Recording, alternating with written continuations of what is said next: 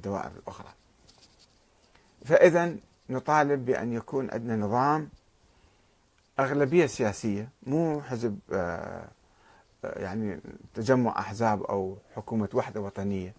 حتى تكون عندنا معارضة حقيقية في البلد معارضة في البرلمان ومعارضة حتى في الدوائر في المحافظات.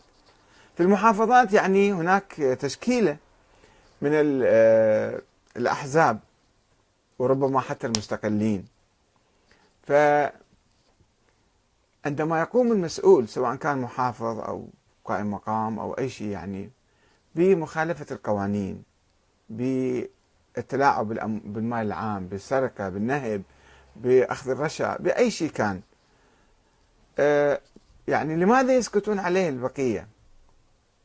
لماذا لا يحاسبوه؟ وإحنا عندنا مجالس محافظات مثلا المفروض فيها مثل البرلمانات تكون هذه المجالس. المجالس أنه مو فقط يصفقون للمحافظ وإنما يراقبوه يوما بعد يوم يوميا. ماذا يفعل كل المشاريع اللي يقوم بها؟ يلقون نظرة عليها ويحاسبوها يحاسبوه ويشوفون وين تصرف الأموال. ورأسا إذا كان في مخالفة رأسا يوقفوه عند حده. فلماذا لم تفعل فعلها المجالس مجالس المحافظات؟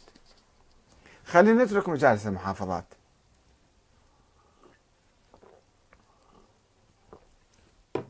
خلينا نجي للأحزاب اللي ترشح هؤلاء المسؤولين سواء وزراء أو آه، محافظين أو مسؤولين آخرين. الأحزاب المهم المفترض يعني أن تكون هي آه، صوت الشعب. ومعبرة عن الشعب. ودائما هي تقوم بدور المحاسبة سواء بالنسبة للأحزاب الأخرى بالنسبة للحكومة أو بالنسبة للمسؤوليها وموظفيها.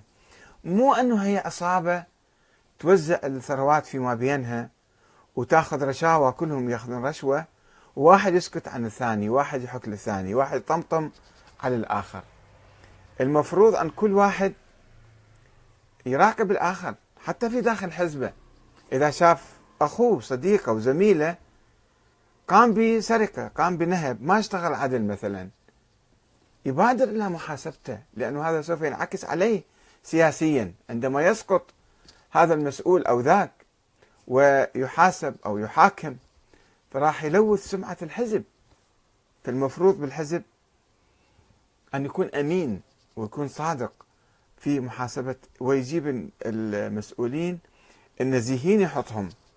مو بعد ما تحدث أزمة سياسية مثل المجلس الأعلى ينشق السيد الحكيم عمار الحكيم من الحزب ويطلع اليوم مثلا السيد فرات الشرع اللي هو نائب البرلمان يقول أنه آه هذا الحكيم حط هذا دعم المحافظ. يلقي اللوم على الحكيم. ما أدري صحيح أو خطأ. ولكن لماذا أنت لم تتكلم من قبل؟ إذا كنت عضو في مجلس الأعلى فلماذا لم تتكلم ولم تراقب ولم تحاسب هذا المحافظ أو هذا الوزير أو هذا المسؤول؟ حتى لو كان الحكيم يدعمه كان لازم عليك أن تنتقده إذا كان مخطئ. مو بعد ما يروح كل واحد يحب يحب يلقي اللوم على الآخرين.